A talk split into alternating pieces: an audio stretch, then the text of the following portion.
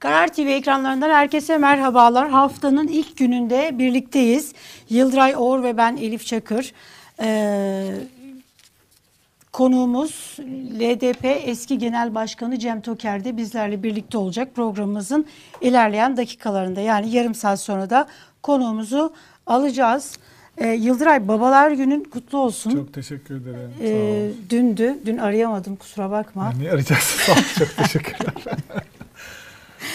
Çok düşüncelisin. Sağ olun. Estağfurullah. Dün e, en baba görüşmeyi Cumhurbaşkanı Erdoğan yapmış. Gençlerle buluşmuş. Dün babalar günü. Babalar günü. Sedat Peker baba şey olarak mafya babası olarak o da akşam konuştu. O da akşam konuştu. Nihat Genç ona onun e, babalar gününü tebrik etti. Evet. Evet. Dün e. Cumhurbaşkanı Erdoğan AK Parti'nin düzenlemiş olduğu, gençlerin düzenlemiş olduğu en baba görüşme Evet. başlıklı bir toplantıda konuştu. Gençlerle konuştu. Ee, gençlere tavsiyelerde bulunmuş. Üç çocuk yapın ve erken evlenin tavsiyesinde bulunmuş. Bunu yorumlamak ister misin Yıldıray?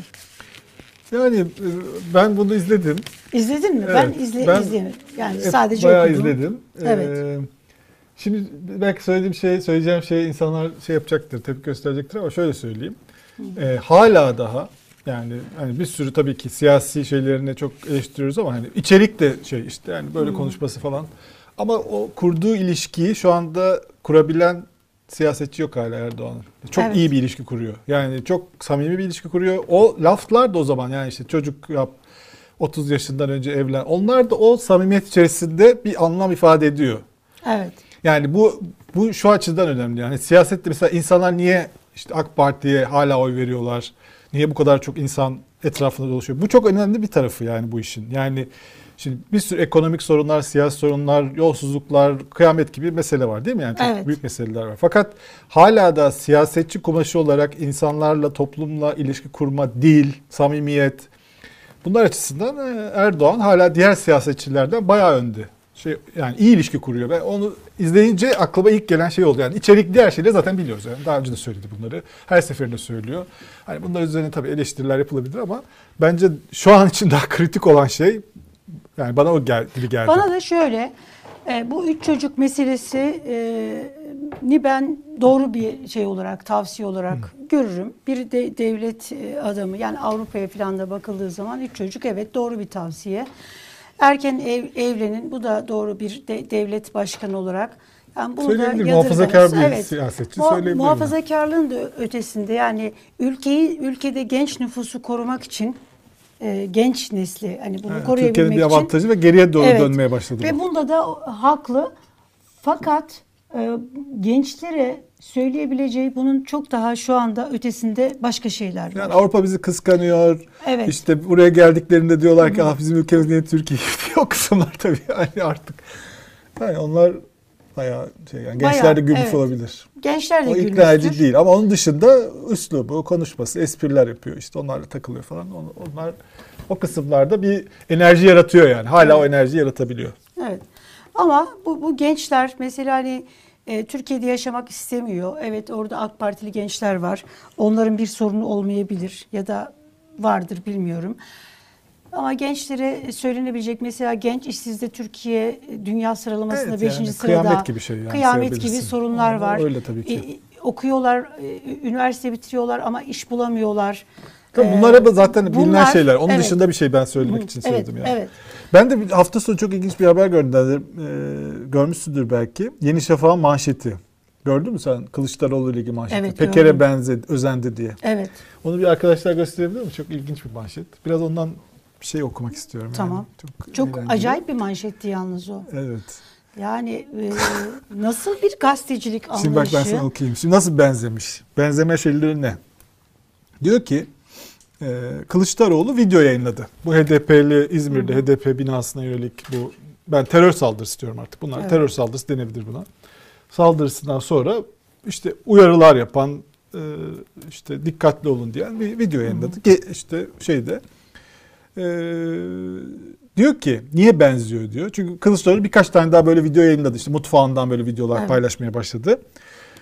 Şöyle benzerlikler şöyleymiş Yeni Şafak'a göre Sedat Peker'le. Peker gibi gece yarısı video yayınlıyor. Arkasındaki rafa deniz kabuğu şeklinde bir obje ve maket gemi yerleştirdi. yani arkasına obje yerleştirdi. Ee, önüne birkaç yudum içilmiş bir bardak e, ve kitap koydu. Önünde var, çay bardağı var. Sedat Peker içmiş bardağından çay. E, Kılıçdaroğlu da içmiş. Böyle inanılmaz bir benzerlik. Yani önündeki çaydan içmiş yarım bar. Kitap koymuş bir de. E, benzerlikler böyleymiş. Kılıçdaroğlu da cevap vermiş. Demiş ki ben arkama herhangi bir obje yerleştirdim. Burası otel odası. Gaziantep'teyim. Türkiye'ye dolaşıyorum. Burası bir otel odası. Ben otelin dekoru o. Ne yapabilirim yani arkamdan onu şey mi yapsaydım diyor. Troll zekası demiş. Ama çok acayip gerçekten. Yani çok tuhaf. Yani videoya paylaşmak Sedat Peker'in şeyi. Ya yarın bir gün mesela Cumhurbaşkanı da bir video paylaşırsa ne yapacaksınız acaba? Önünde de bir bardak çay varsa. Nasıl bir benzerlik kurmayı düşünüyorsunuz? Artık bunu da böyle bir kayıtlara düşmüş Şimdi olalım. organize işlerde bir benzetme sahnesi var. Biliyor musun? Ee, organize işler filminde bir böyle hani e, bir iş toplantısı. Orada e, kendilerini böyle şey yapacaklar. E, oyunculardan bir tanesi diyor ki e, o iş işte anlaşma yapacakları kişi aynı diyor Connery'e benziyor diyor. Ondan sonra e, Yılmaz Erdoğan bakıyor yani bir adama bir işte Sean Connery ortalık hani bir benzerlik yok. Diyor ki nasıl? diyor. Yani işte Connery biraz diyor bunun saçlarını şey yap e, hafif diyor işte uzatırsın. E, kenardan al. Ortaya bambaşka bir şey. Bunları diyor yaparsan benziyor benziyor. Yani o kadar saçma sapan bir şeydi ki bunlarınki de böyle herhalde biraz bu sahneden ya da bu filmden esinlenme ama komik Evet. duruma yani bu, bu İnanılmaz bir şey. İnanılmaz bir şey. Şimdi Sabah gazetesinde, Sabah gazetesine bakalım mı? Nerede? Sabah gazetesinde Senin, senin favori gazetin o. benim kesin. ben onu. benim favori gazetem evet ama ben senin favori gazeteni de sana vereceğim. Ver. Ee, evet. Ee, Sabah gazetesinde güzel haber var. Ee, evet bugün yasaklara bakanlar kabine toplantısından sonra bugün yasaklara veda edebilirmişiz. Hadi inşallah. İnşallah diyoruz. Ee, Pazar günleri uygu- uygulanan kısıtlama Oh. son verilebilirmiş. Güzel. Bu bu tür konularda güvenebiliriz. Yani Bu arada buradan bir- sabahtan alabilirim. Son dakika gelişmesi oldu Elif. Konumuzla alakası yok ama HDP iddianamesi kabul edilmiş. Kabul bu sefer. edilmiş mi? Hı hı. Kapatma iddianamesi bu Anayasa Mahkemesi kabul etmiş. Çok Evet. Türkiye adına üzücü. Hafta içi uygulanan sokağa çıkma kısıtlamasının kaldırılması ya da gece 24'e çekilmesi planlanıyor. Yani kaldırın gitsin 24'e çekme ne demek? 24'te zaten gecenin 12'sinde sokakta insan mı var? Yani 24'te ayın yirmi- şey gecenin 24'ünde tehlikeli olan şey niye sabah 8'de tehlikeli olmuyor? Yani çok Evet, saçma. yani. Saçma saçma Bunu sapan artık- bir şey. Yani tamam yapıldı bu. Bir Evet. başarı da elde edildi bundan. Aşı da yapılıyor. Artık bundan yavaş yavaş çıkmak lazım. Ee, Restoran, kafeler ruhsatta yazan saatlerde açık olacakmış. AVM'ler normal düzene ge- geçiyor. Sağlıkçılara 3. doz aşısı. Şimdi burada e, Hilal Kaplan bir yazı yazmış. Bu Sezgin Baran Korkmaz'la alakalı olarak bir ya- yazısı var. Burayı ben e, yani çok acayip bir şey ya. Yani hakikaten e, nasıl bir kafa, nasıl bir mantık e, akıl alır gibi değil. Şimdi şey yazmış. Sezgin Baran Korkmaz'la Veys Ateş arasındaki arasındaki işte bir telefon görüşmesinden Evet, ve Veys Ateş'in evet Cuma akşamı da Halk TV'ye çıktı. E, o program da çok tuhaftı. Niye? Şimdi e, kaydı dinleyen isimler var. Evet.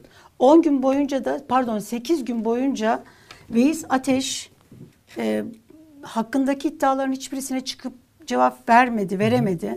Sessiz yani suskunluğu seçti, sessiz kaldı. E, Habertürk normalde aslında çok kolay eleman personel çıkarmasıyla bilinen en ufak bir şaibe de hemen e, yani böyle bir şeyi var Şaibe olmadan da. şaibe olmadan da çok kolay adam Siyasi harcayabilen. nedenlerle çok evet rahat, çok evet. evet hemen adam harcayan birisi.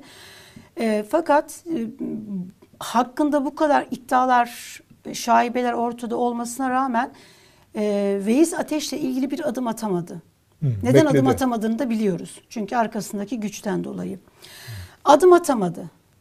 Veys Ateş'le ilgili. Veys Ateş açıklama yapmadı. Herhangi bir açıklama yapmayacağını da söyledi. Hatta yazılı bir açıklama o programda öğrendik ki bir yazılı açıklama yazmışlar. Sonra da geri çekmiş. Habertürk'ün e, genel yönetmeni Kenan Tekdağ.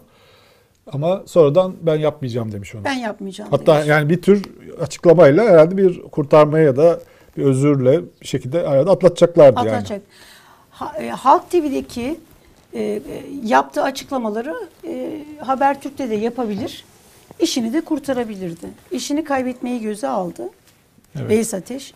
Halk TV'de çıktı. Bu görüşmeler dedi e, böyle bir görüşme yok dedi. Psikolojisi tabii darmadan. Ama karşısında görüşmeyi dinlemiş İsmail birisi Saymaz vardı. diyor ki ben dinledim diyor. Bu sabah dinledim dedi. Bu sabah dinledim diyor.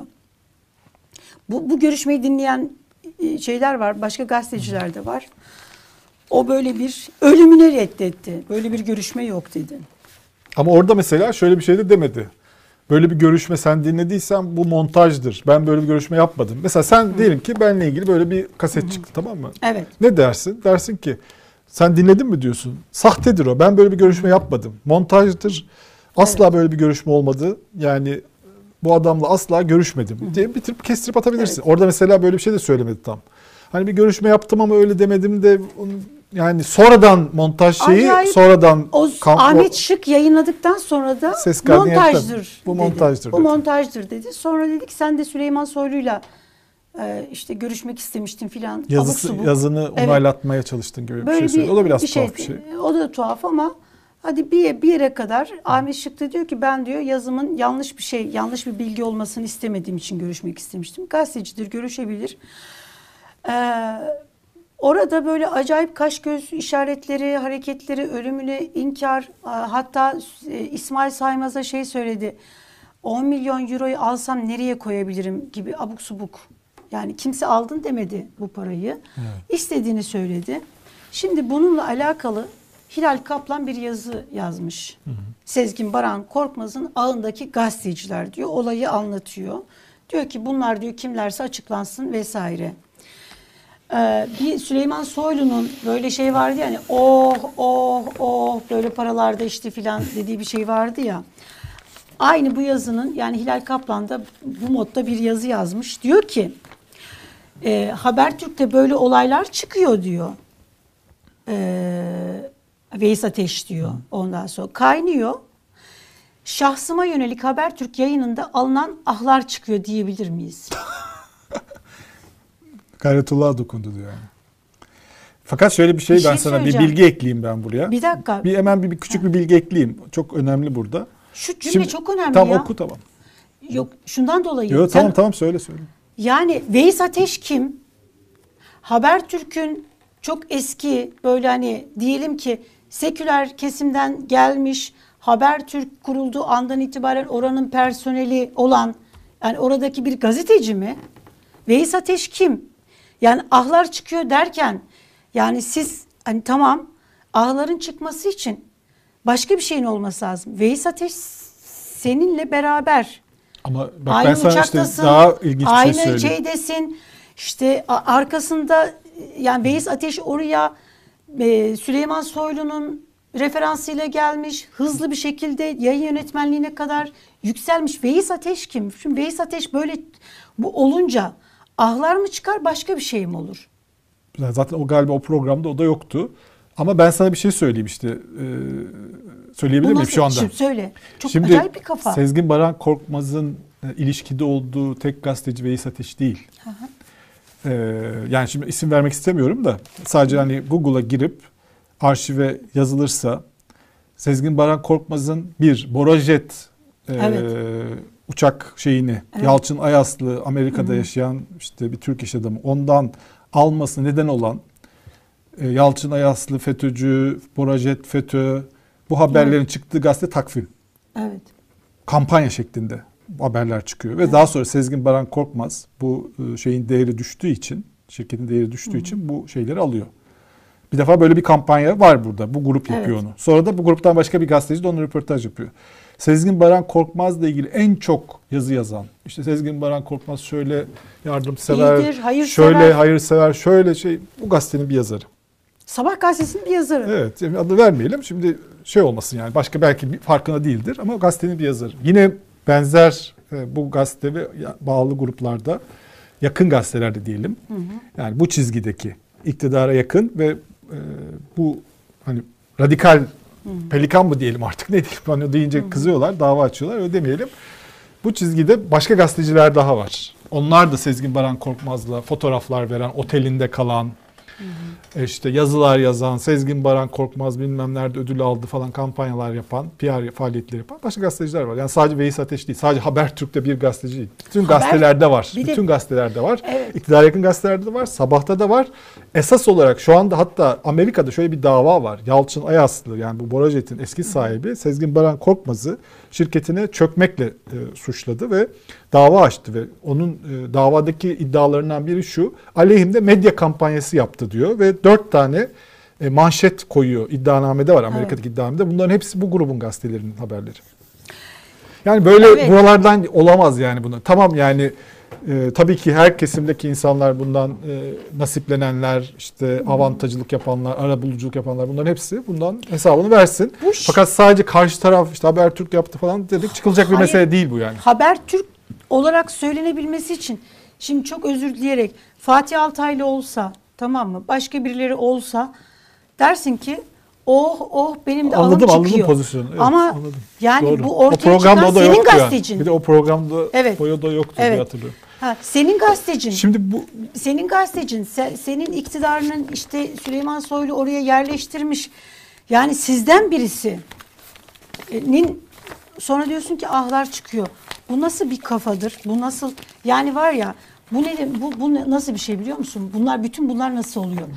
Ee, Reis Ateş'i de izlerken şunu şey yaptım. Utanma duygusu çok önemli bir şey. Utanma duygusu kaybolduğu zaman ortaya işte böyle sonuçlar Ama orada bence Reis'in programındaki performansı e, bazı şeyleri söylemeyerek kendisini e, koruyor aslında. Evet. Çünkü kendini yakıyor ama yani Sedat Peker de yazdı ya kendini yakıyor bir şekilde. Çünkü sonuçta bazı odaklar adına mesela evet. diyor ki o telefon konuşması eğer doğruysa diyor ki orada e, bu tarafın diyor hassasiyeti e, şu diyor. Zaten başından beri hep sana söylüyorum Hı. yani bu da anlaşılıyor ki başka konuşmalarda oldu. Zaten İsmail Saymaz'ın yazısında evet. da 4-5 konuşma olduğu söyleniyor 3 gün içerisinde. Bu tarafın diyor hassasiyeti acaba konuşur mu? Yakar evet. mı, yıkar mı? Yani diyor ki yani biz şu an bir konuşmalar yapıyoruz. Arabuluculuk faaliyetleri, pazarlıklar yapıyoruz. Yani biz bizim taraftaki hangi tarafsa o taraf bundan kaygı duyuyor. Acaba bunu ele verir mi falan diye. Neyse bu adam da bunu kaydediyor tabii o sırada. Ele verecek yani bir gün saatinde ele vermek üzere kaydediyor bunu. Ama tabii ki incelenecek yani. Şimdi bununla ilgili soruşturma açılması lazım olan. Bir adam diyor ki ben şeydir bu diyor. E, montaj diyor. E, diğeri de diyor ki hayır bu böyle. E, bir aracılık yapılıyor. Bir, kime aracılık yapılıyor? Esas soru bu. Zaten e, karar bunu manşetten verdi çok iyi doğru evet. bir şekilde. E, o zaman bunun soruşturması lazım. Montaj mı değil mi? Böyle bir konuşma oldu mu? Kime ara buluculuk yapıldı? Bu adam nasıl kurtarılmaya çalışıldı? Bunun yapılması lazım. Evet. Bu arada çok ilginç bir fotoğraf çıktı dün akşam internette. Yani bu işi Bakalım. Şimdi Veys Ateş'in üzerine kaldı bu. Şimdi o bir aracılık yapmış. Veys Ateş buzdağının görünen kısmı. Evet. Şimdi yani. burada esas olarak Sezgin Baran Korkmaz'ın e, yurt dışında çıkış hikayesi, mahkeme kararları değişiyor. Yani bir ay önce hakkında mal varlığına el koyma kararı veriliyor. Sonra mal varlığına el koyma kararı kaldırılıyor. Yurt dışı çıkış yasağı veriliyor. Yurt dışı çıkış kararı kaldırılıyor bir ay sonra. Sonra çıkıyor. Sonra tekrar o bir soruşturma oluyor hakkında. Evet. Şimdi aranıyor. Şimdi bunlar nasıl oldu diye bir soru var ortada. Şimdi dün çok ilginç bir şey oldu. Ee, o fotoğrafı verelim. Ben de bir bunun hikayesini anlatayım. Arkadaşlar bu e, bir savcı oturma bahçede e, Furkan göndermiştik. Evet. Heh. Şimdi fotoğrafa bakalım. Şimdi burası e, Şu görünen hemen garsonun önünde Bir dakika önce oturan... olayın nerede olduğunu söyleyelim bir önce. Tamam. Şimdi bu fotoğrafı önce e, bir gazeteci Cengiz Aksan diye bir gazeteci e, çekmiş. Burası evet. Dikmen Vadisi, Ankara Dikmen Vadisi'nin Tavacı Recep Usta. Bunu hiç bilmeyenler için şöyle tarif edebilirim burayı. Burası Ankara'da bürokratların, siyasetçilerin çok sık gittiği dev böyle bir çok da güzel yemekler olan bir mekan. Evet. Bir gazeteci 24 Eylül 2020 tarihinde bunu fotoğraf olarak çekmiş. Sezgin Baran Korkmaz birisiyle hararetli karşısında birisi hararetle konuşuyor diye fotoğraf olarak çekmiş ve Urfa'da bir gazeteci arkadaş var benim tanıdım ona göndermiş. Bunu tweet olarak yazdığı için biliyoruz yani. Ama fotoğraftaki karşısında kimin oturduğu belli değildi. Ee, Sonra dün tanır mısınız diye bir Dün e, Twitter'da bu fotoğraf döndü ve insanlar bunu bazı Twitter'da çok takipçili şeyler acaba bunu tanıyan var mı burayı diye yazdılar. E, ve yazıldı. İlk Fırat Erez yazdı. Tekman Savaş Nemli. Yargıtay 7. Ceza Dairesi Başkanı Üyesi. olduğunu yazdı. yok. Başkan Üyesi, üyesi, üyesi, üyesi pardon. eski Ankara Ağır Ceza Mahkemesi başkanlarından. Sen de bunu teyit ettin. Bunu ben şimdi yayına girmeden önce 3 tane Yargıtay'da ki arkadaşları arayıp yani herhangi bir yanlış bir şey yapmayalım diye Yargıtay üyesi arkadaşlara gönderdim. Onlar da teyit ettiler. Milli, milliyetçi, muhafazakar bir arkadaş eski Ankara Ağır Ceza Mahkemesi başkanlığı da yapmış. Peki hangi davaya bakmış biliyor musun? Ee, tabii Mehmet ki. Ağar davası. Mehmet Ağar davası. Mehmet Ağar faili meşhur davasında hakimiymiş. hakimi. Ee, çok bu fotoğraf yayınlandığı zaman e, Yargıtay'da da dün e, herkes birbirine göndermiş bu fotoğrafı ve çok e, şey ka- tuhaf karşılanmış. Tuhaf Şimdi- karşılanmasına gerek yok. Yargının durumu ortada. Şimdi bunu ama bir şeye şöyle bir not daha düşelim buna. Bu fotoğraf 24 Eylül 2020'de çekilmiş. Evet. Bu ço- şu açıdan önemli. Ee, Evet. Sezgin Baran Korkmaz'la ilgili ilk mal varlığına el koyma kararı e, 29 Eylül 2020'de İstanbul Evet. Cumhuriyet Başsavcılığı e, mahkemeye başvuruyor. Evet. Masak yazısıyla ve Sezgin Baran Korkmaz'ın e, mal varlığının kaldırılmasını istiyor. Evet. E, şey e, el konulmasını istiyor. E, 9 Ekim'de de mahkeme karar veriyor. Yani Evet. bu olayların hemen öncesinde olan bir şey bu. Yani Evet. Ankara'ya gitmiş Sezgin Baran Korkmaz ve bir yargıtay üyesiyle herkesin de ön, gözleri önünde. O zamanlar yani çok herhalde Evet. başına bir şey gelmeyeceğini düşünüyormuş. Böyle bir hararetli konuşma yapmış. Ne konuştuklarını bilmiyoruz. Evet. Ama tuhaf bir karakter ka- kare bu yani. Hızlıca böyle haber başlıklarını geçelim. Birazdan konumuzu alacağız. Sedat Peker dün akşam bir video yayınladı. Bütün Türkiye neredeyse adama baskı yaptı. Çok tuhaf. Ee, ölmedim, cezaevinde değilim. Tamam. İlerleyen zamanlarda da e, can güvenliğim işte şey yaptıktan sonra sağlandıktan sonra söz verdiğim bütün her videoyu yayınlayacağım dedi. Ee, Ali Bayramoğlu'nun Perspektif Online'da e, Sedat Peker'in siyasi bir figüre dönüşme başlıklı bir yazısı var. Röportaj, Güzel bir yazı, evet röportaj onu o- okunabilir. Sedat Peker'in iddiaları neden soruşturulmuyor diye Dolce Welle'de özel bir haber var. Ee, Batı Öz Batı Bozkürk'ün yapmış Evet, olduğu bir Ankara'da haber. vardı. Evet, eski emekli Cumhuriyet Savcısı Nadi Türkarslan demiş ki savcılar yılların teamülü gereği bu tür iddiaları ihbar kabul edip tek başlarına harekete geçmez. Burada harekete geçmesi gereken başsavcılar yani başsavcılar Cumhuriyet savcılarını görevlendirmesi gerekiyor. Bakanların soruşturma yetkisi yalnızca Türkiye Büyük Millet Meclisi'ne aittir. Dolayısıyla savcılar bakanları da soruşturamaz. Şimdi Süleyman Soylu diyor ya beni buyurun beni araştırın. Yani bunun için bir fezleke hazırlanıp e, Türkiye Büyük Millet Meclisi'ne gelmesi gerekiyor. Ondan sonra HSK e, e, Peker'in hakim ve savcılarla ilgili dile getirdiği iddialara yönelik bir de diyor hakim ve savcılar kurulu inceleme başlatması gerekiyor. Bunların hiçbirisi mümkün değil. Yine bir avukat da şeyi söylemiş. Minnesota protokolü uygulanması gerekiyor. Aslında Türkiye'de şu anda Minnesota protokolü. Bu nedir?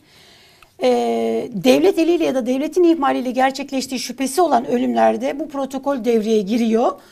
Ee, bütün iddialar değerlendiriliyor. Bunun içinde e, bu protokol gereği öncelikli olarak Türkiye Büyük Millet Meclisi'nde bir soruşturma komisyonunun kurulması gerekiyor. Bu komisyon kurulması için e, partiler e, şey verdiler. Bunlardan bir tanesi Deva Partisi. De, e, Mustafa Yeneroğlu soru önergeleri ve bu şeyleri verdik ama hiçbirisi buna cevap vermedi diyor. Bu arada Cumhuriyet'in manşetinde e, Sedat Peker'in Demirören grubunun Total'i satışı ile ilgili, Total'i Oyaka satışı ile ilgili Evet. bir e, Barış Terkoğlu'nun haberi var, yazısı var. E, bu satışa o zamanki Deniz Kuvvetleri adına Oyak toplantısına katılan Cihat Yaycı'nın itiraz ettiği, Oyak Evet. yani bu Total'in bu kadar para etmeyeceğini söyledi ama yukarıdan baskı yapıldı ve e, bu Oyak'ın e, şeyi Total'i aldığı söyleniyor. Evet. Şimdi bu da ilginç. Bu da aslında Sedat Peker'in iddiasını da teyit etmiş oluyor. Sözcü gazetesinin manşeti yine bu böyle 5 Evet, maaş çok korkunç. alanlar çok korkunç. Bu sefer artık bayağı bir 11'e falan çıkmış galiba. Evet 11, 12. müdüre 11 maaş danışmanına 5 maaş. Ee, hani dibi gördük diyoruz ama e, dibi görmediğimiz ortaya çıkıyor. E, göz sorular Se- Sezgin Baran Korkmaz Avusturya'da gözaltına alındı. ABD istedi. Türkiye bunu Sezgin Baran Korkmaz'la alakalı iade sürecini başlattı. Sezgin Baran Korkmaz ee, 10 milyon euronun alıcısı kimdi? Ankara'daki klik kimlerden oluşuyordu? Bunların hepsi sorulmuş. Ses kaydının 9 dakikalık kısmında e, kısmı ortaya çıkacak mı? Gözaltındaki sorular demiş Karar Gazetesi'nin manşeti. Ben Ee, birkaç tane burada- fotoğraf gönderdim. Onlara bir bakabilir miyiz konumuz gelmeden? Evet. Ee, bu Boğaz'da gezi fotoğrafı var böyle bir hali. Ha. Şimdi bu çok ilginç. Ben şimdi bununla ilgili bir yazı yazdım ama bu fotoğraftan daha sonra farkına vardım. Bir belgeselde bu fotoğraf varmış. Ben onu izlemiştim ama bu fark etmemiştim. Şimdi fark ettim. Bu e, Sezgin Baran Korkmaz'ın bunlar patronları. Aslında Evet. esas paranın sahibi olan Kingston ve e, Lev Aslan Dermen. E, bunlar İstanbul'a gelmişler. Bak Evet. fotoğrafa bak e, sen de. E, Boğaz gezisi yapıyorlar. Bu Kingston o 3 eşi var. Bu eşlerinden biri 20 çocuğu var. Bu da 5 çocukları. Böyle düğün gibi bir ortamda galiba. Çünkü hepsi çok kravatlı falan giymişler. İstanbul'da geziyorlar. Tarihi tam belli değil ama yani, yani Türkiye'ye çok sık geldiklerini gösteren bir şey bu. Yani bunlar Amerika'da şu anda biri 30, biri 130 yıl ceza aldılar kara para Evet. aklamaktan ama Türkiye'yi böyle bir tür vatan olarak bilmişler. Bu yine onların bir fotoğrafı. Yine buranın İstanbul şey e, bizim sahillerden biri olduğunu zannediyorum. Çünkü Evet. öyle görünüyor. Bir tane daha fotoğraf var. O çok ilginç. Şimdi bak bu fotoğraf çok ilginç.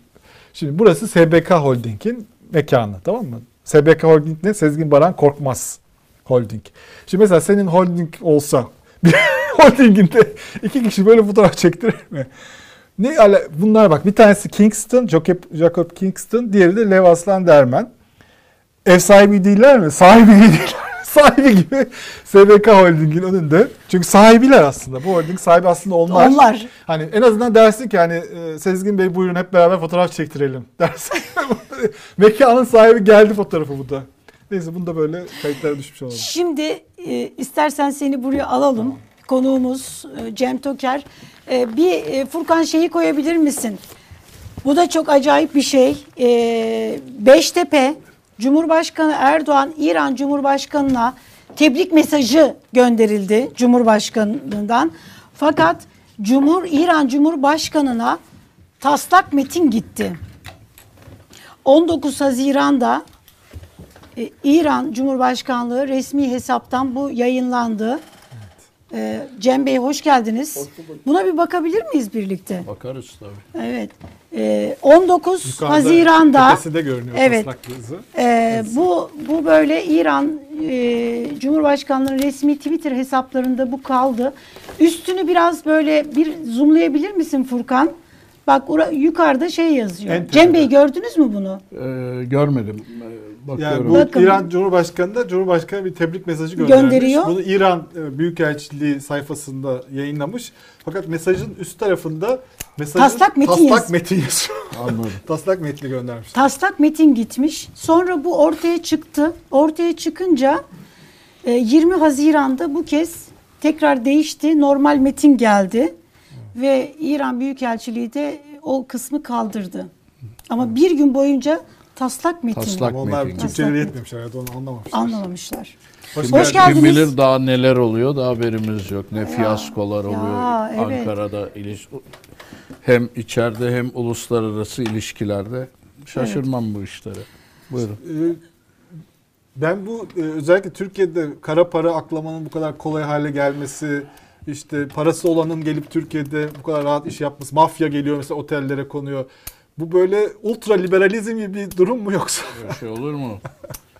Ee, 25 senedir Besim Tibuk'la birlikte 27 senedir e, üniversitelerde de gittiğimizde vurguluyoruz.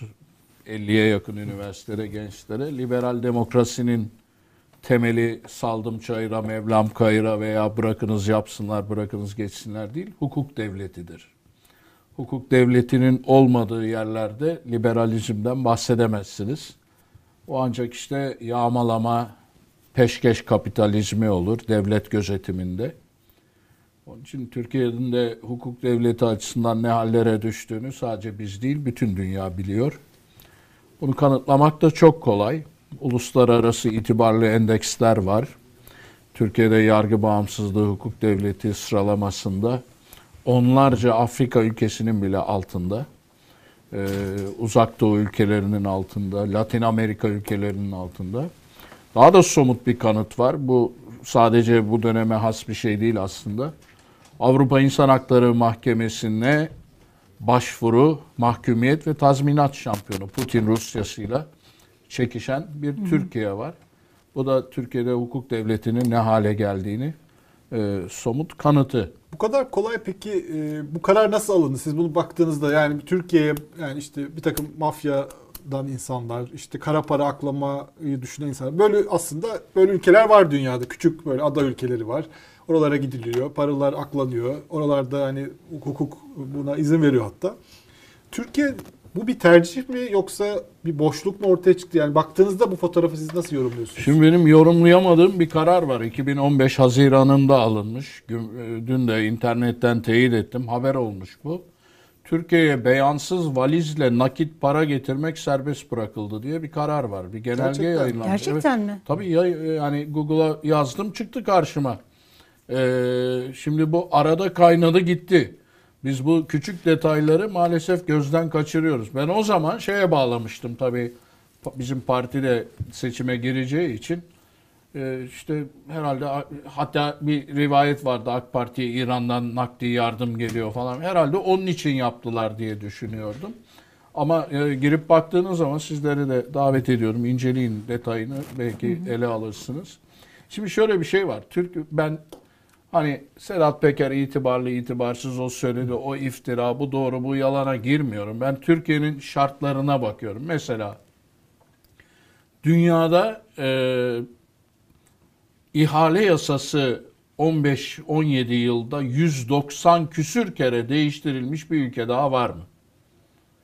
Veya e, 128 milyar nerede diye sorulmaması lazım. Şöyle sorulması lazım. Doğru soru şu. Kimlere sattın? Kaç paradan sattın? Ne zaman sattın?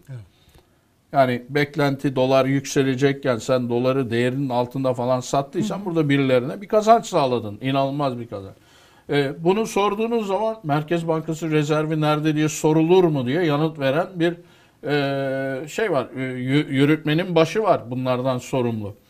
Ondan sonra meclise yine dönelim. E, Sayıştay raporları meclise gelirse duman oluruz diyen bir iktidar milletvekili hatırlıyorum ben. Yıllar öncesinde. Bunlar hep detay ama çok önemli şeyler. Sayıştay raporu bir demokrasinin en temel, en kilit raporu. Benim sizin paranızı bu hükümete vermişiz, hizmet ver. O paralar nereye harcandı? Onun raporu, millete hesabının gelmesi lazım. Meclise veriliyor zaten raporlar. Meclise veriliyor. Ve adam diyor ki fütursuzca çekim. Sayıştay raporları meclise gelirse diyor, milletvekillerine gelirse diyor, duman oluruz diyor. Şimdi bunlar hep gerçekler. Öte yandan bir yolsuzluk endeksi var. Yani küçük bir yatırımcı bile Türkiye'ye gelip bir yatırım yapmayı düşünen, bankasını paraya para e, bankaya para koymayı düşünen bir yatırımcı bile bu yolsuzluk endeksine bakıyor. Dünyada bir tane. Türkiye 86. Yine Afrika ülkelerinin falan altında. Ondan sonra bakıyorsunuz hiç tarihimizde görülmemiş hazine garantili maliyetinin bilmem kaç misli 25 sene üstünden yolcu geçsin geçmesin kullanılsın kullan tüneller otoyollar köprüler birilerine veriliyor. Bakıyorsunuz ilk 5 tane şirkete veriliyor bunlar ihaleyle mi ihalesiz mi? Ee, ondan sonra yargıya güvene bakıyorsunuz endekslere dibe vurmuş. Yani ben Türkiye'nin bugünkü fotoğrafını hiç e, şeye girmiyorum, ha, polemiğe girmeden gerçekleri. Birisi çıksın bana bu söylediklerin bir tanesi yalan desin. Ee, öte yandan çok daha önemlisi yabancı şirketler. Burada marka isim vermek serbest mi YouTube'da? Ha, Mercedes, Siemens, e, 3M, yanılmıyorsam Johnson Johnson. Daha bunlar kendi ülkelerine gittiler. Almanya'ya, Amerika'ya, Adalet Bakanlıklarına dediler ki biz Türkiye'de rüşvet verdik. Suçumuzu kabul ediyoruz. İftira falan atmıyor adam. Kendi ülkesinde gidiyor diyor ki ben yasamızı ihlal ettim. Türkiye'de ihale almak için, iş yapmak için rüşvet verdim.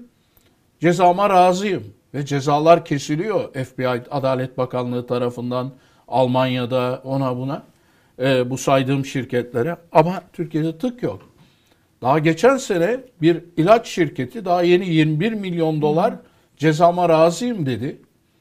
Amerika'da kendi devletine ben rüşvet verdim Türkiye'de Sağlık Bakanlığı'nda dedi. Miktarı söyledi. Ben Türkiye'de bir savcının bir Allah kulunu çağırıp da ya bak bu adam böyle diyor sen yani bir banka hareketi adam söylüyor kimlere verdiğini isimler belli kurumlar belli. Onun için böyle bir Türkiye'de e, elbette siyasetçi, devlet adamı, iş adamı, karanlık güçler yani bunların e, hakimler, yargı mensupları, emniyet mensupları, Gazeteciler. eski Evet. bakanlar, basın mensupları Evet. bunların ilişkisinin olmaması yadırganır. Olması yadırganmaz ki böyle bir ülkede. Çünkü bu saydıklarım Türkiye'yi hukuk devletinden başka her şeydir kategorisine düşüren gerçekler maalesef. En acısı da anket yapılıyor. Kime güveniyorsun diyorlar. Yaklaşık 10 ki- sokaktaki 10 kişiden 8'i ben Sedat Peker'e güveniyorum diyor. İkisi devletin iç işleri bakan. Tarım Bakanı falan da değil bu. İç işleri bakanı. Yani polisten özgürlüğümüzü, canımızı, malımızı koruyacak polisten e, sorumlu bakana 10 kişinin ikisi güvendiğini dile getiriyor. Türkiye'nin vay haline.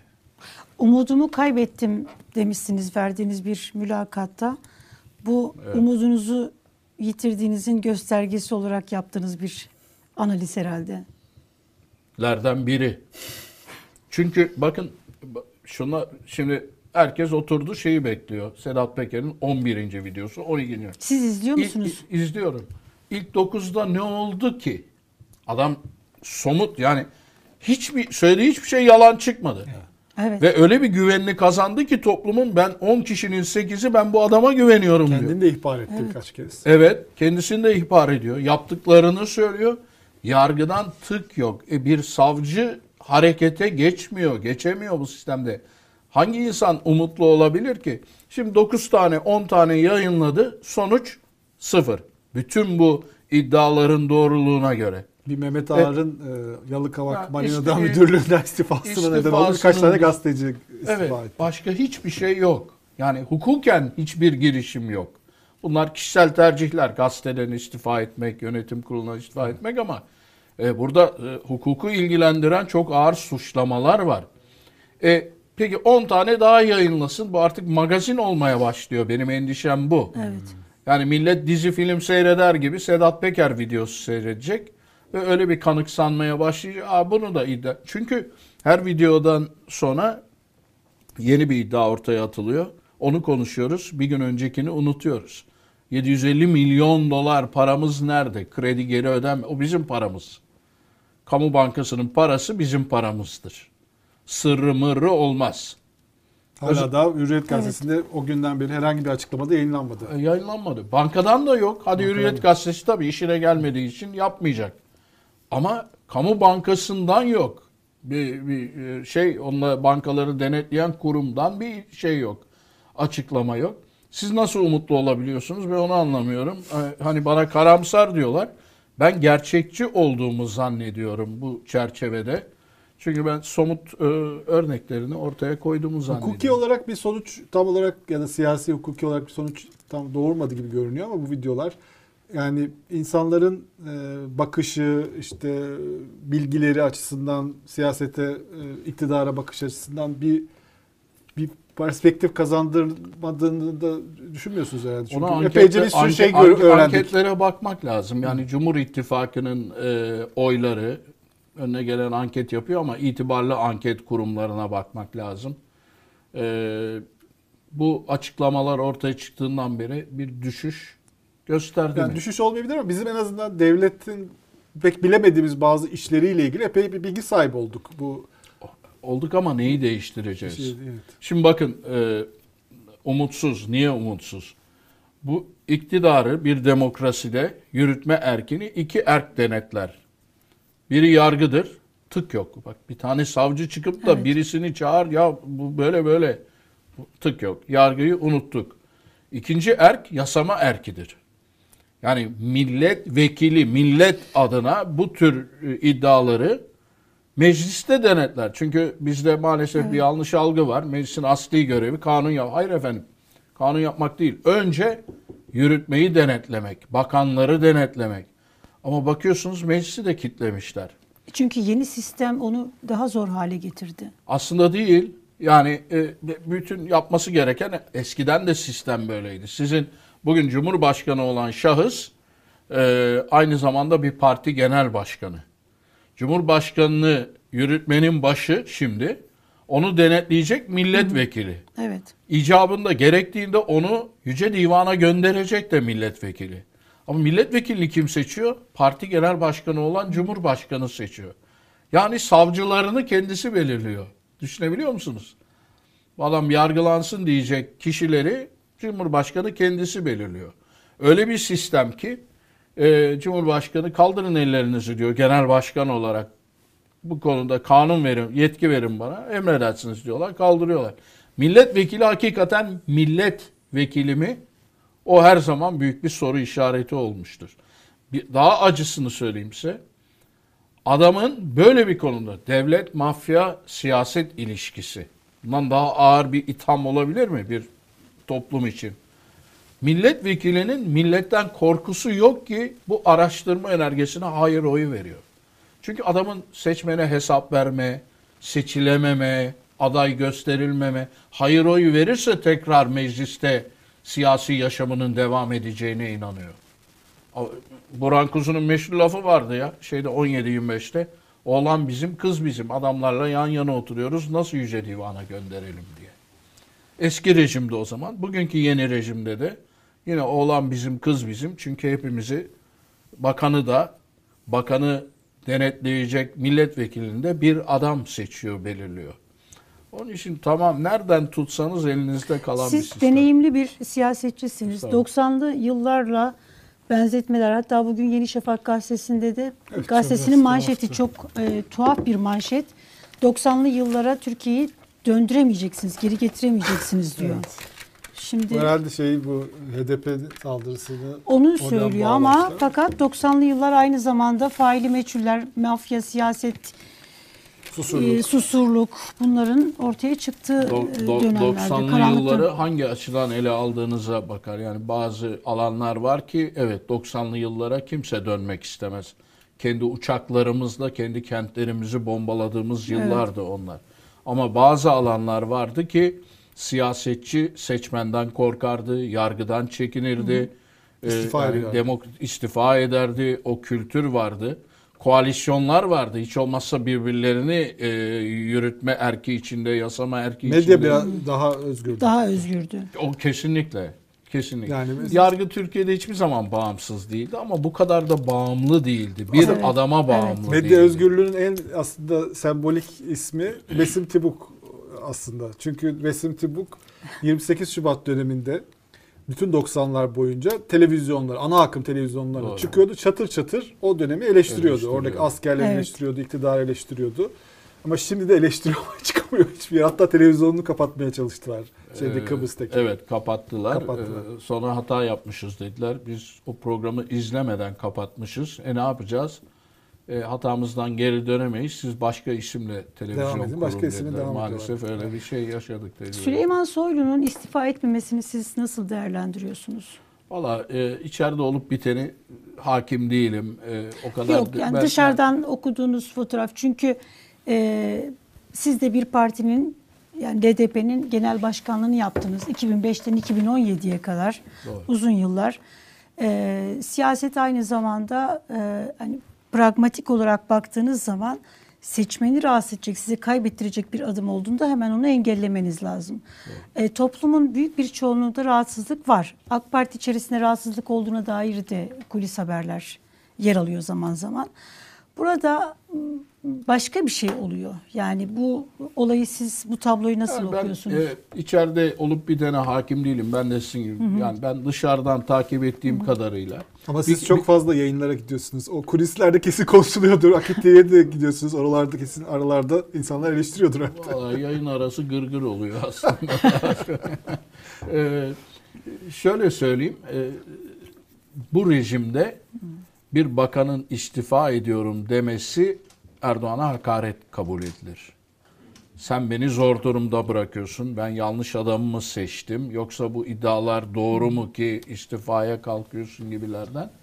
Ee, yani ben o önce o çerçeveden bakıyorum. Mutlaka parti için işte Süleyman Soylu için MHP'nin başkanlığına oynuyor iddiaları var, şu var, bu var ama bir de e, yani Erdoğan'a ben şey yapabiliyorum yani o kendimi o yere koyduğum zaman Erdoğan'a gidip başkanım nasıl hitap ediyorsa reisim neyse ben istifa etmek istiyorum. Hadi canım bırak sen de dediği zaman hiçbir cevap veremez o siyasetçi. Erdoğan'a yok ben ısrarla istifamı vereceğim demesi e, mümkün değil. Ama e, şimdi toplumda tepki tepki var mı? Ben orada işte soru işaretim orada benim. Bu iddialardan sonra AK Parti'nin oyları düşüyor. Ben bir tane sivil toplum olsun veya bireysel bir girişim olsun. Ya milletvekиlim sen bu önergeye niye hayır oyu verdin? Diyen her şey vatandaşta seçmende bitiyor aslında. Şimdi ben dün e, LDP toplantısındaydım hafta sonu. Arkadaşlardan rica ettim. Hayır oyu veren milletvekillerinin listesini hazırlayın yapalım dedim. Ondan sonra bu adam Çorum milletvekili mi? Bunu gündemde tutalım. Seçime kadar unutmayalım. Bu adamlar bakın Çorum halkı siz bu adamı sizi temsil etsin diye gönderdiniz ama bu adam bu bu bu bu kanun veya önergelere hayır oyu verdi. Hesabını sorun.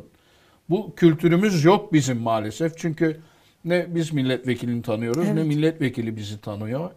Ee, onu da Besim Tibuk programımızda da vardı. İşte dar bölge yaparsak insanlar belediye başkanını tanıdığı gibi, muhtarını tanıdığı gibi milletvekilini tanırsa o zaman farklı olur. Yani e, dar bölgede genel başkanın ağırlığı biter. Seni bugün Antalya'dan yazdım, yarın Rize'den yazacağım olayı bittiği zaman vatandaş daha bir e, vekil adı üstünde vekalet verdik bizi temsil etsin. Hakkımızı, hukukumuzu korusun diye. Bütün bu olaylar her vatandaşın cebini ilgilendiriyor. 750 milyon dolar kredi gelmediyse o Ziraat Bankası'nda zarar yazılacaksa o zarar bir vergiye şu suyu alırken verdiğimiz KDV ile kapatılacak. Görev zararı, kamu zararı denecek. Kamu bankasının zararını kamu kapatır. Bizim cebimizden 750 milyon dolar o günkü kurdan yaklaşık her haneden Türkiye'de sadece o iş için 325'er lira toplanacak vergi Demirörenler adına kasaya koyulacak. Ziraat Bankası'nın kasasına koyulacak. Yani bu bilinci biraz belki bu e- zor ekonomik günlerde arkadaş bu senin cebinden çıkacak eninde sonunda. Ama benzine zamla çıkacak ama elektrik zammıyla çıkacak ama vergi zam bir şekilde senden alınacak bu para senin cüzdanından kamu bankasının kasasına bu hep böyle oldu. Başka yolu yok bunun. Onun için vatandaştan bir tepki gelecek ki siyasetçi çekinmeye başlar. Siz dediniz ki doğru. Hani halkta bir tepki var mı? Buna bakmak lazım. Bu kadar çift maaşlar, ekonomi kötü gidiyor. İşte Sedat Peker'in yayınladığı videolar 128 milyar pek çok şey var. Buna rağmen bir böyle e, dramatik bir böyle hani kupuş olmamasını neye bağlıyorsunuz?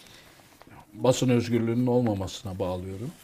Ee, ve yargının olmamasına yani toplum duysa ki ya bir bürokrat, üst düzey bir bürokrat bu e, konulara adı karışmış bir e, milletvekili, şu bu savcılık tarafından çağrıldı, ifadesi alındı veya medyanın tamamı bunu e, gündemde tutabilse veya tutacak mecralar artsa o zaman tabii toplumsal tepki daha da artar.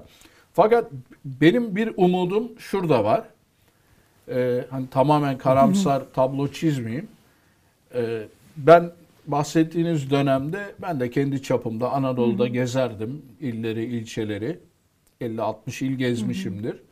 Ve tipik olarak nereye gidersiniz? İşte esnaf odası, sivil toplum, e, kahve toplantısı, şu bu. Ee, orada sıklıkla duyduğum şu vardı. Eski dönemden bahsediyorum. Ee, abi tamam AK Parti'ye vermeyelim de kime verelim? CHP'ye tövbe vermem. Peki. E, kime vereyim abi? Hepsi baraj altında kalıyor. Saadet'e versem öyle, ona versem böyle, buna versem, sana versem zaten sen nal toplayacaksın. Oyun boşa gidecek. Şimdi bunlar yeni rejimde ayaklarına sıktılar. Yüzde yarımlık partiler altın değerinde oldu. ittifaklarla. Şimdi eğer e, bunların başında da İyi Parti geliyor. İyi Parti kağıtlarını bugüne kadar Meral Akşener doğru oynuyor.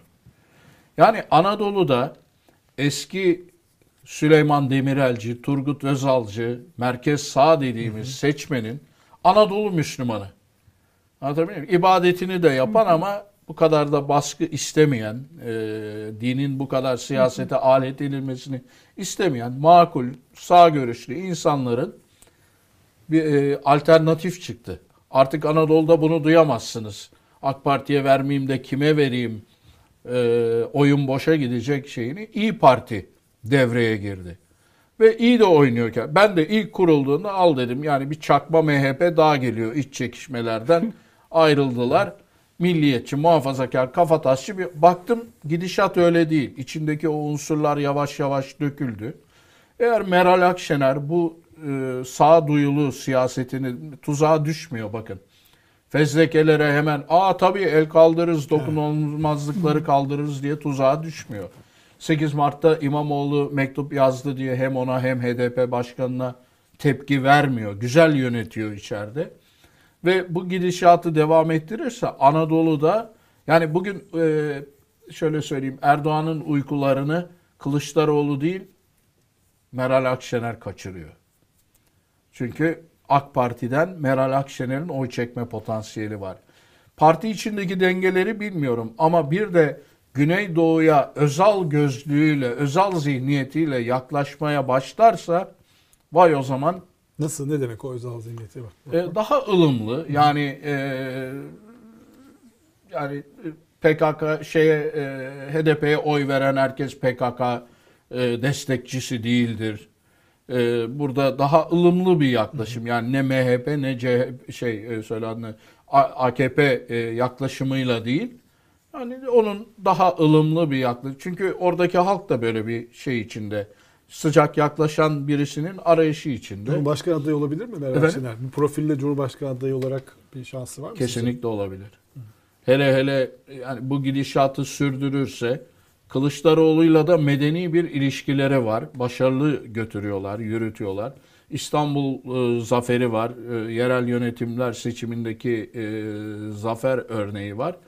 Meral Akşener eminim Türkiye'nin ilk seçilmiş kadın cumhurbaşkanı Meral Akşener gibi bir siyasetçinin kafasında ciddi yer tutuyordur. Kürtlerden oy alabilir mi? İşte onun altyapısını hazırlaması e, e, önemli. Çünkü AKP de böyle bir hamle yapabilir. Bu iş sadece MHP ile Büyük Birlik'le falan yürümüyor. Bakın e, Saadet'e bile muhtaç durumu. İyi Parti'yi çağırttı yanına Erdoğan. Evet. Bahçeli'yi aracı koydu. Çağır gelsin. Meral Hanım onda o tuzağa da düşmedi. Şimdilik inşallah Evet. yani bu duruşunu sürdürür. Benim temennim odur. Ee, ne yaptı? Yüzde birlik, yüzde yarımlık saadete kadar indi. Ee, şey, yarın Karamollaoğlu da dik duruyor. Çok beğendim bir lafını. Onu da burada altını çizmek isterim. Ben İslamcı değilim, Müslümanım demesi çok güzel bir mesaj. Umarım o da duruşunu e, korur. Çünkü büyük baskılar görecekler. Çünkü bir adam bütün kurumları kontrol ediyor. Devlet onun kontrolünde. Beğenin beğenmeyin. Yani şöyle söyleyeyim.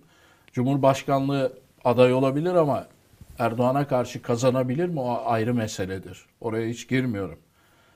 Erdoğan'ın seçim kaybetmesi mucize ötesi mucize olur. Neden? Çünkü her şey onun emrinde. Devletin bütün kurumları onun emrinde. RÜTÜK onun emrinde, Anadolu Ajansı onun emrinde, e, TRT onun emrinde, Merkez Bankası onun emrinde, TÜİK onun emrinde. Bunlar anayasal olarak tarafsız, bağımsız kalması gereken kurumlarken tamamen on her şeyden önemlisi toplanacak yaklaşık 1 trilyon yeni parayla 1 trilyon vergi de onun emrinde. Her kuruş onun emrinde. Ee, bütün bakanlıklar, bakanlar, bürokratlar herkes onun emrinde. Yani meydanlara indiği zaman da bir de hitabet gücünü ekleyin üstüne. Erdoğan'ın seçim kaybetmesi zor. Ama Seçim o, bir, sandığı- o bir pusula. Seçim Ekonomi- sandığı elinde değil ama. İstanbul seçimlerini kaybetti. Doğru. O küçük e, mikro bir hedefti. Güzel bir iş. Şimdi ben o çağrıyı da devamlı yapıyorum her fırsatta. Yani Millet İttifakı bugünden sandığa değil, seçimden önce pusulalara sahip çıkmaya davet. Onun altyapısını, komisyonlarınızı kurun, görev bölümü yapın, ne yapılacaksa e, onu, onun tedbirini alın. Doğru seçim sandığı ondan da emin değiliz. İstanbul'u aldı ama tekrarlanarak aldı. Düzeltilememiş ekonomi etkilemez mi? Tamam Efendim? her şey her yer elinde.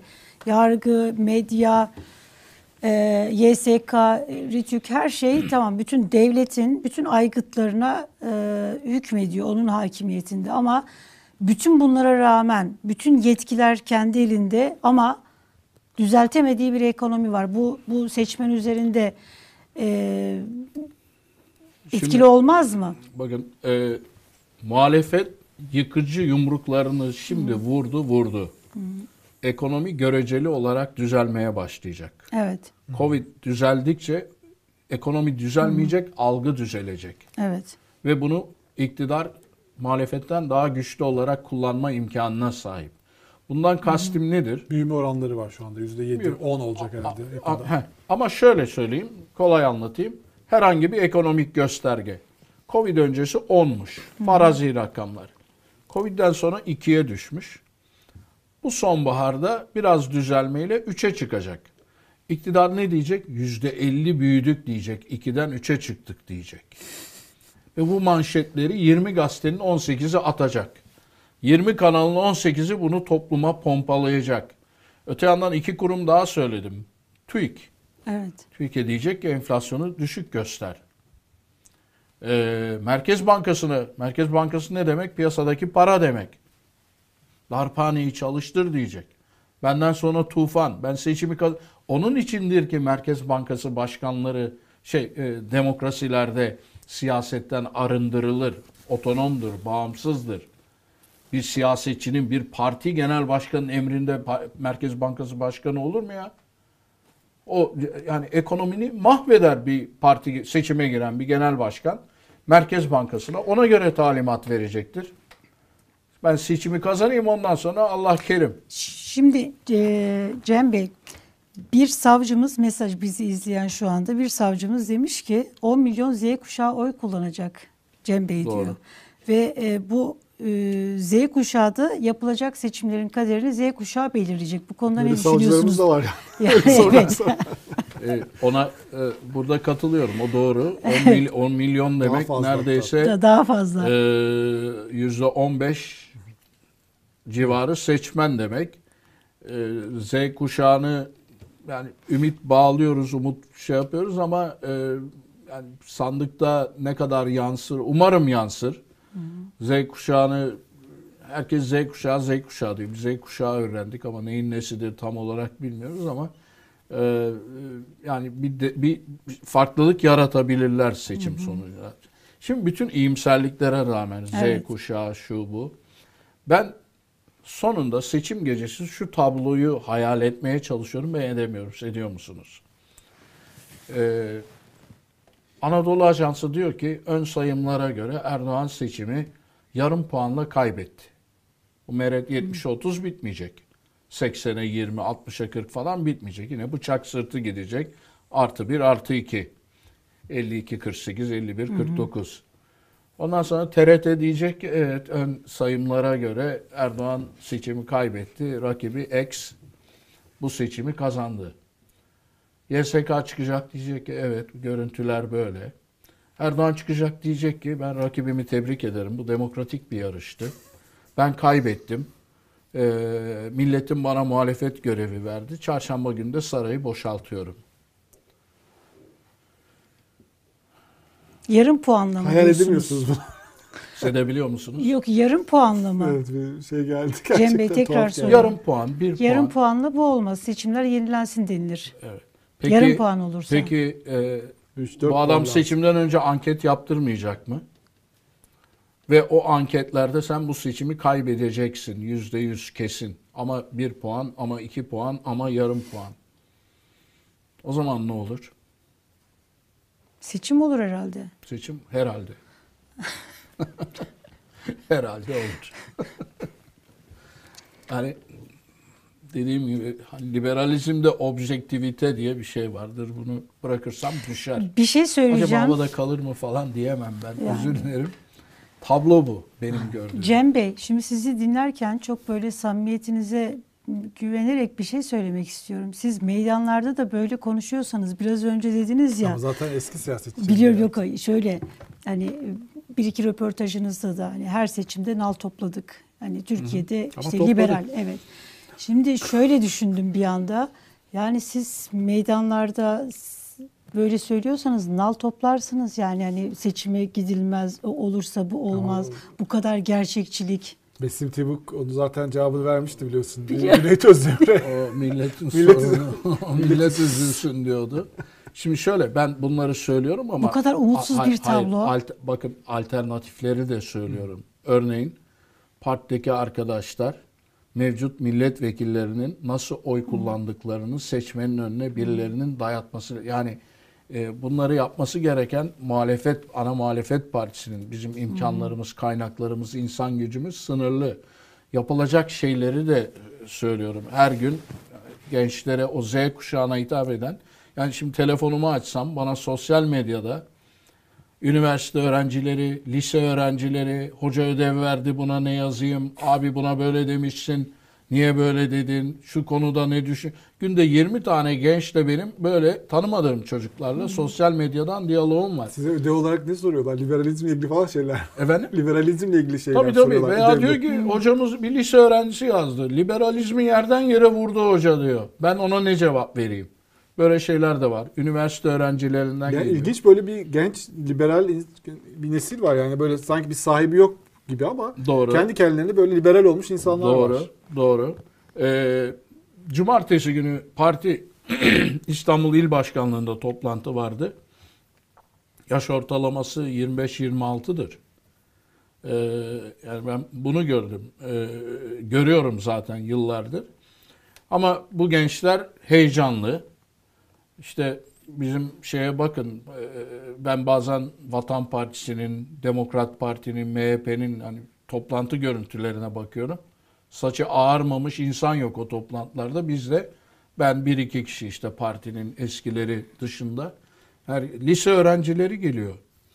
E, ilgi var ama bunları kanalize edip e, e, ne yapıyoruz? Eğitiyoruz adeta. Bir, burada anlattıklarımı onlara anlatıyorum ki farkına varsınlar. Burada anla yani bir özgürlük haritası Google'dan koyuyorum. Dünya özgürlük haritası. Bir de milli gelir haritası. Üstüne koyduğunuz zaman nerede baskı rejimi varsa orada fakirlik var. Nerede özgürlük varsa orada zengin. Hukuk devleti haritası var. Hepsi renkli. Okumalarına gerek yok. Üst üste koyuyorum. Nerede hukuk devleti varsa orada zenginlik var, refah var. Nerede yoksa orada fakirlik var. Yani bu şey ben bu gerçekleri söylüyorum ama pes etmiş de değilim. Evet. Yani benim ben bu misyonu kimse başıma silah dayamadı. Üniversitelerden Covid öncesi çok sık davet geliyordu. Bazılarına sokuluyorduk, bazılarına kapıdan çevriliyorduk. Ee, hani rektörün de bir parti genel başkanı tarafından atanırsa somut olarak neler olacağını akademide onun örneğini anlatma. Bir kere daha çağırmamışlar sonra. E, Böyle ben e, Çankırı'da kapıdan döndüm yıllar önce. Oğlum benim emekliliğim yaklaştı başıma bela mı alacağım deyip. Halbuki burada anlattıklarımı anlatacaktım gençlere. Başka ne anlatacağım? Bir de bayağı kanallarda çıkıyorsunuz. Akit TV'de falan çıkıyorsunuz. bazen. Evet Akit e, çağırıyor. Devamlı çağırıyor. E, yukarıda Allah var. Yani e, buradan şu krediyi onlara vermeliyim. Görüşleriyle hiçbir zaman en fikir değilim. Ama bir kelimeme karışmıyorlar Yani ve e, onları oradan tebrik ediyorum. Yani pek çok kanaldan daha demokratik davranıyorlar o konuda. Ha, Onları ve- kendi kaynaklarıyla çünkü yapıyorlar biraz da. Öyle bir olabilir. mecra var. Olabilir. Yani burada Peki e, Cem Bey Türkiye için çıkış yolunuz var mı yani? E, Türkiye nasıl çıkar? Mübarek döneminde Mısır'da çıkış yolu arıyordu, bulamıyordu. Maduro'nun Venezuela'sında da çıkış yolu arıyorlar, bulamıyorlar. İran halkı da çıkış yolu arıyor, bulamıyor. Bu yola girdiğiniz zaman çıkış yolu çok zor.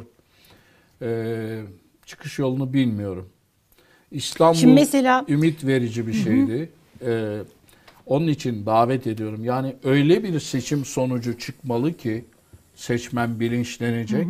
İstanbul'da olduğu gibi YSK bile biz artık bir şey yapamayız kusura bakma kaybettin bu seçimi diyecek sandıktan bir sonuç çıkarsa Türkiye'de bunun için uğraşıyoruz zaten.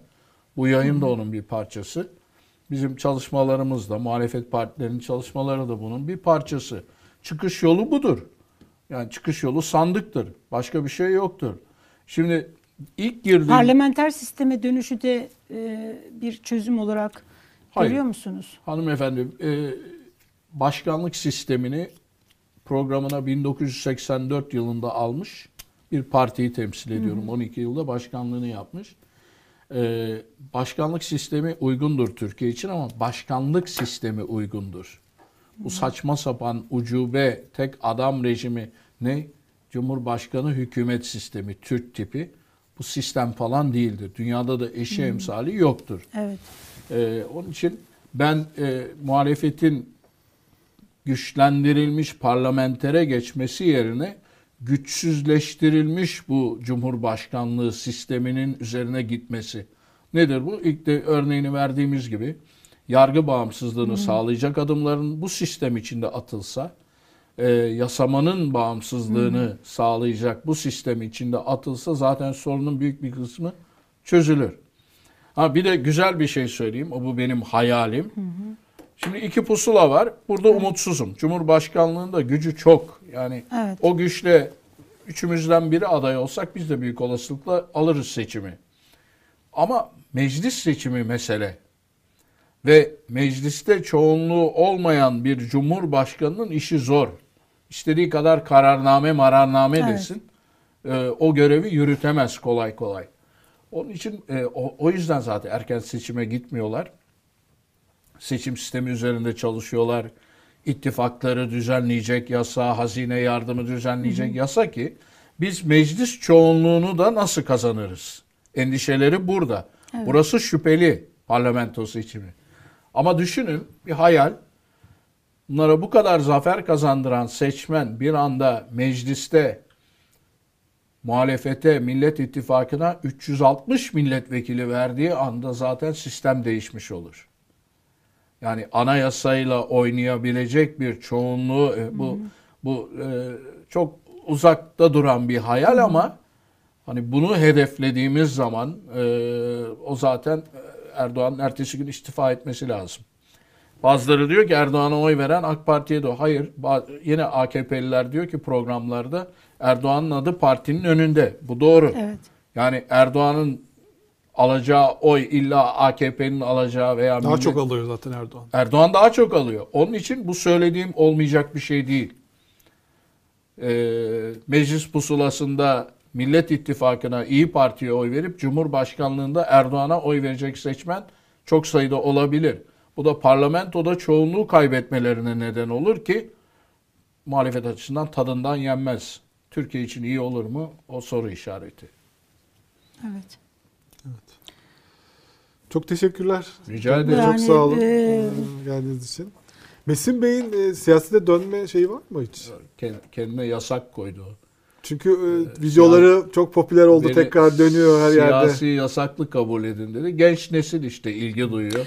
Hiç Deva ve Gelecek Partilerine böyle referans yapmadınız. Hani artık mesela iktidar için e, kime oy vereyim e, işte derken burada alternatif olarak e, iki yeni parti, iktidar partisinin içerisinden çıktı bunlar. Doğru. Bunların ismini e, bilinçli bir şekilde mi Hayır almadınız? hayır hayır. Onları Yoksa e, başarısız oy oranlarından dolayı üstü kapalı geçtim.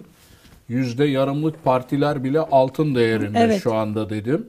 Ee, ve bunlar da bıçak sırtında bitecek dedim. Evet. Onun için onların gideceği yön, katılacakları ittifak e, buna şey de dahil e, söyleyin adını e, Muharrem İnce'nin kurduğu parti de Memleket. dahil.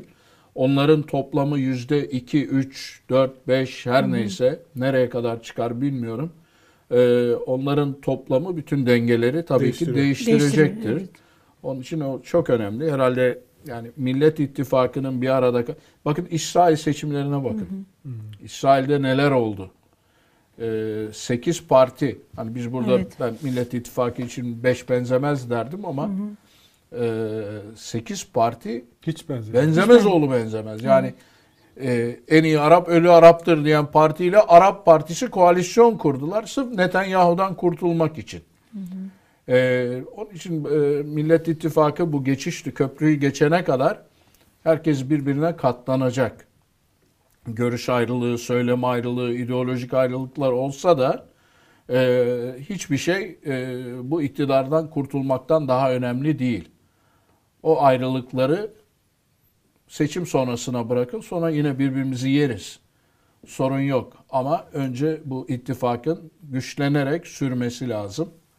Ve şimdilik de iyi görünüyor. Yani bunlar da artı umut verici gelişmeler. Peki ülke sorunlarını çözememek e, Cumhur İttifakı'nın kendi içerisinde e, çatışmaya yol açar mı? Açar, çatlak var.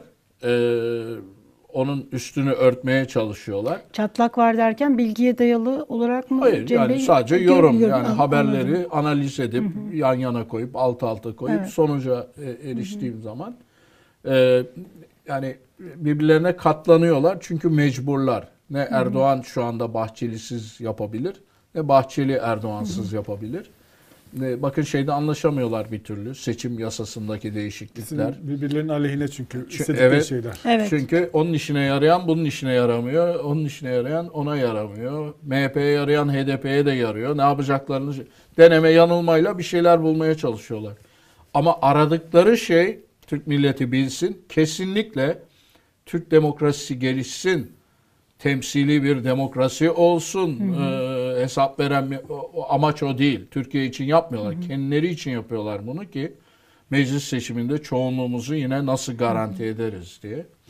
Ee, ama e, yani bu sisteme girdiklerinde bence Erdoğan Siyasi etik pişman. yasa da istiyor Devlet Efendim? Bahçeli. Siyasi etik yasa çıksın.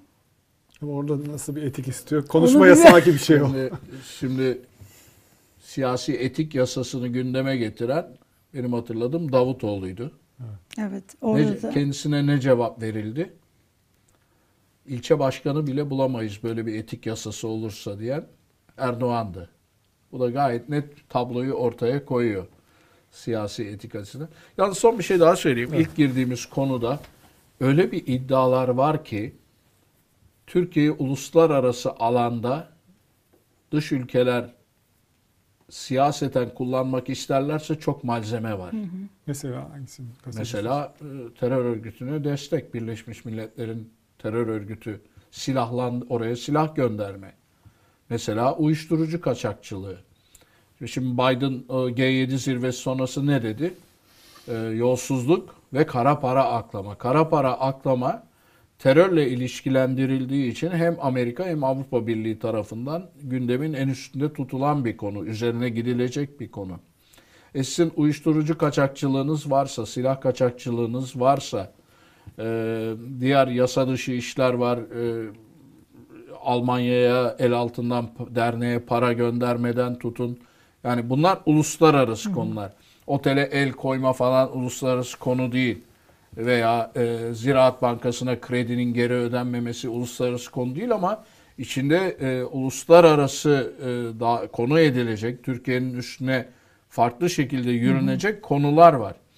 Ve Otele el koyanlardan biri de aslında bir Rus oligarkın yardımcısı olan bir Özbek mafya lideri. Orada da var aslında bir sürü mesele. Var. Var. Ama yani Türkiye'yi sıkıştıracak konular bunlar. Bunlar gündeme gelirse e, muhalefete faydalı mı olur, zararlı mı olur? AKP'yi yara, faydalı mı olur? Zarar, dış güçler üstümüze geliyorlar, kıskanıyorlar propagandasıyla. Bir uluslararası bir mesele haline gelirse bu ters tepebilir. Ters tepebilir. Yani bunu da eminim. e, Ama sanki e, yurt dışında da artık bu öğrenildi ve çok fazla e, iktidarla böyle bir cedelleşme içine girmeden e, meseleler hallediliyor E, gibi. böyle konular bir gecede o, o, o seviyeye gelmez. Yani bir sene sürer. Adamlar şey satranç oyuncusu bunlar. E, yurt dışındakiler. Hani hemen kullanmayalım bekleyelim. Burada bu var. Bakın e, mesela ben merak ediyorum hamdolsun Ermeni soyunu, so- soykırım konusu Açılıyor. Gündeme gelme. niye hamdolsun? Bence sakın gündeme getirmeyin dendi Ankara'ya gelen öncü görüşmeciler tarafından. Sakın burada bu konuya girmeyin dendi. Bunlar da tamam dediler. Ee, Halkbank davası varken bizim Amerika'ya diklenmemiz söz konusu olamaz. Ee, mal varlığını araştırırım senato kararı varken Amerika'ya diklenme söz konusu olamaz. Bunlar hep e, bunların e, batı güçlerinin cebinde olan konular. Ee, onlar işte kullanılırsa ters mi teper, faydası mı olur? Bunları zaman içinde göreceğiz. Amerika ile ilişkilerde bir düzelme bekliyor musunuz? Son sorum bu olsun benim. Ben e, Ya Biden Erdoğan konuş görüşmesini nasıl değerlendirdiniz?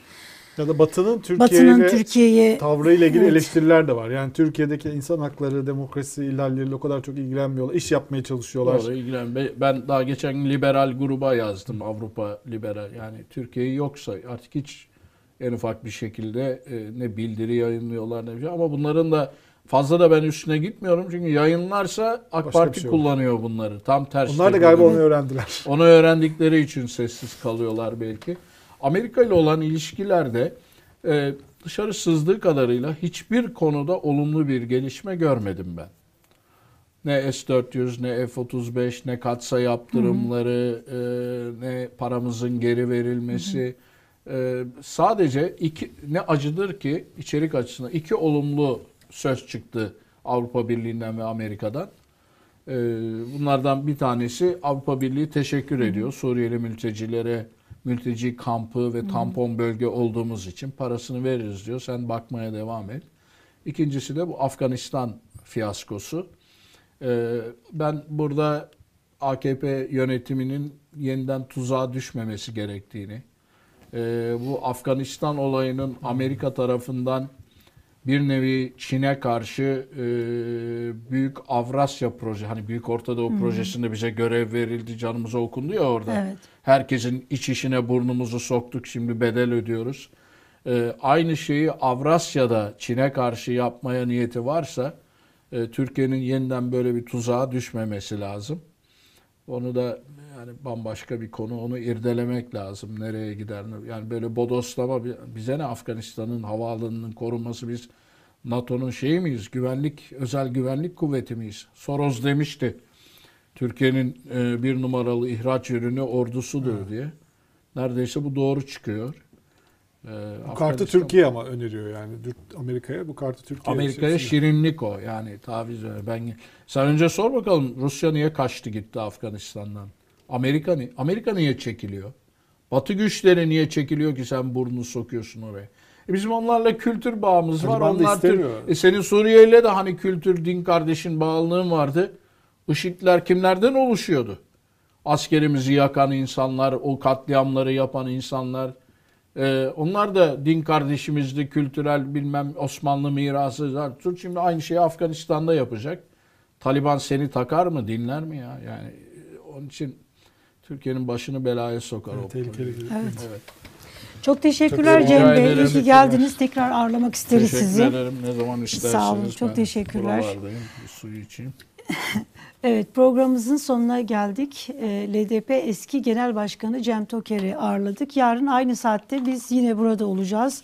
Gazetelerimizde konularımızla, konuklarımı Konuğumuz, konuğumuzla. Görüşünceye kadar kendinize iyi bakın.